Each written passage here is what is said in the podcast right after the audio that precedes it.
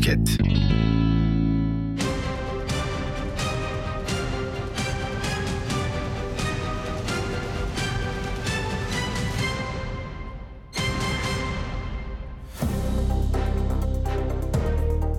Bu hafta Türkiye ve dünya gündeminde neler yaşandı? En çok neler konuşuldu? Merhaba sevgili dinleyenlerimiz. Türkiye'nin en kaliteli podcast kanalı Podcast'te Haberin T sesinde sizlerleyiz. Ben sunucunuz Tuğçe Nur Batan. İlk haberimizle başlayacak olursak Sağlık Bakanı Fahrettin Koca müjdeyi verdi. Sağlık Bakanı Fahrettin Koca, toplam 81.108 personelin kadroya geçiş işlemlerinin tamamlandığını duyurdu. Bakan Bilgin'den emeklilere refah payı açıklaması. Çalışma ve Sosyal Güvenlik Bakanı Vedat Bilgin, 7500 liranın üzerinde maaş alan emeklilere refah payı verileceğini açıkladı.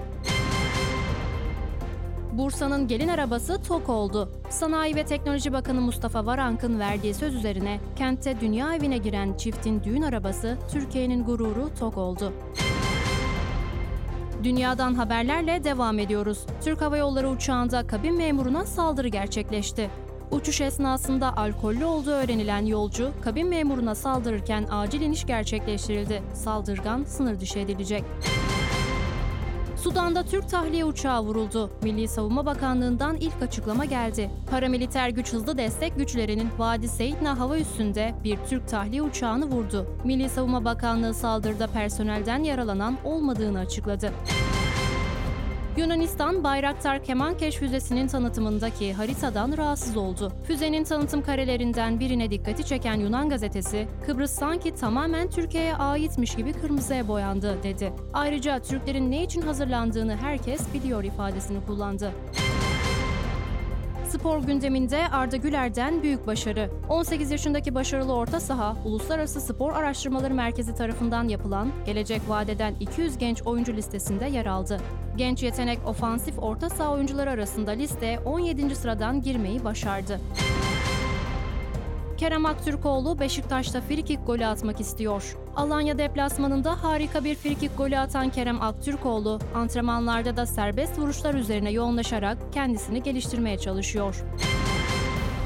Bruno Perez Trabzonspor'la yolları ayırdı. Trabzonspor Brezilyalı Sabek Bruno Perez'le sözleşme fesli konusunda anlaşmaya varıldığını duyurdu.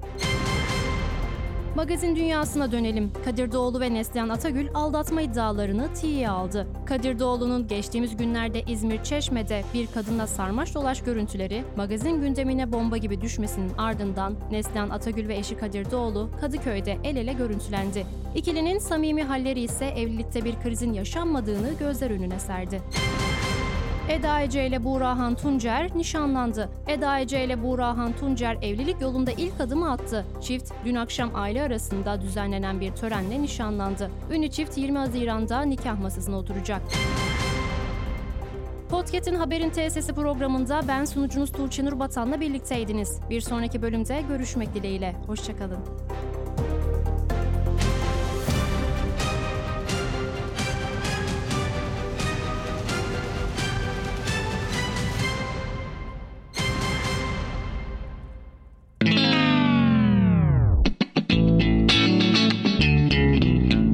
Podcast.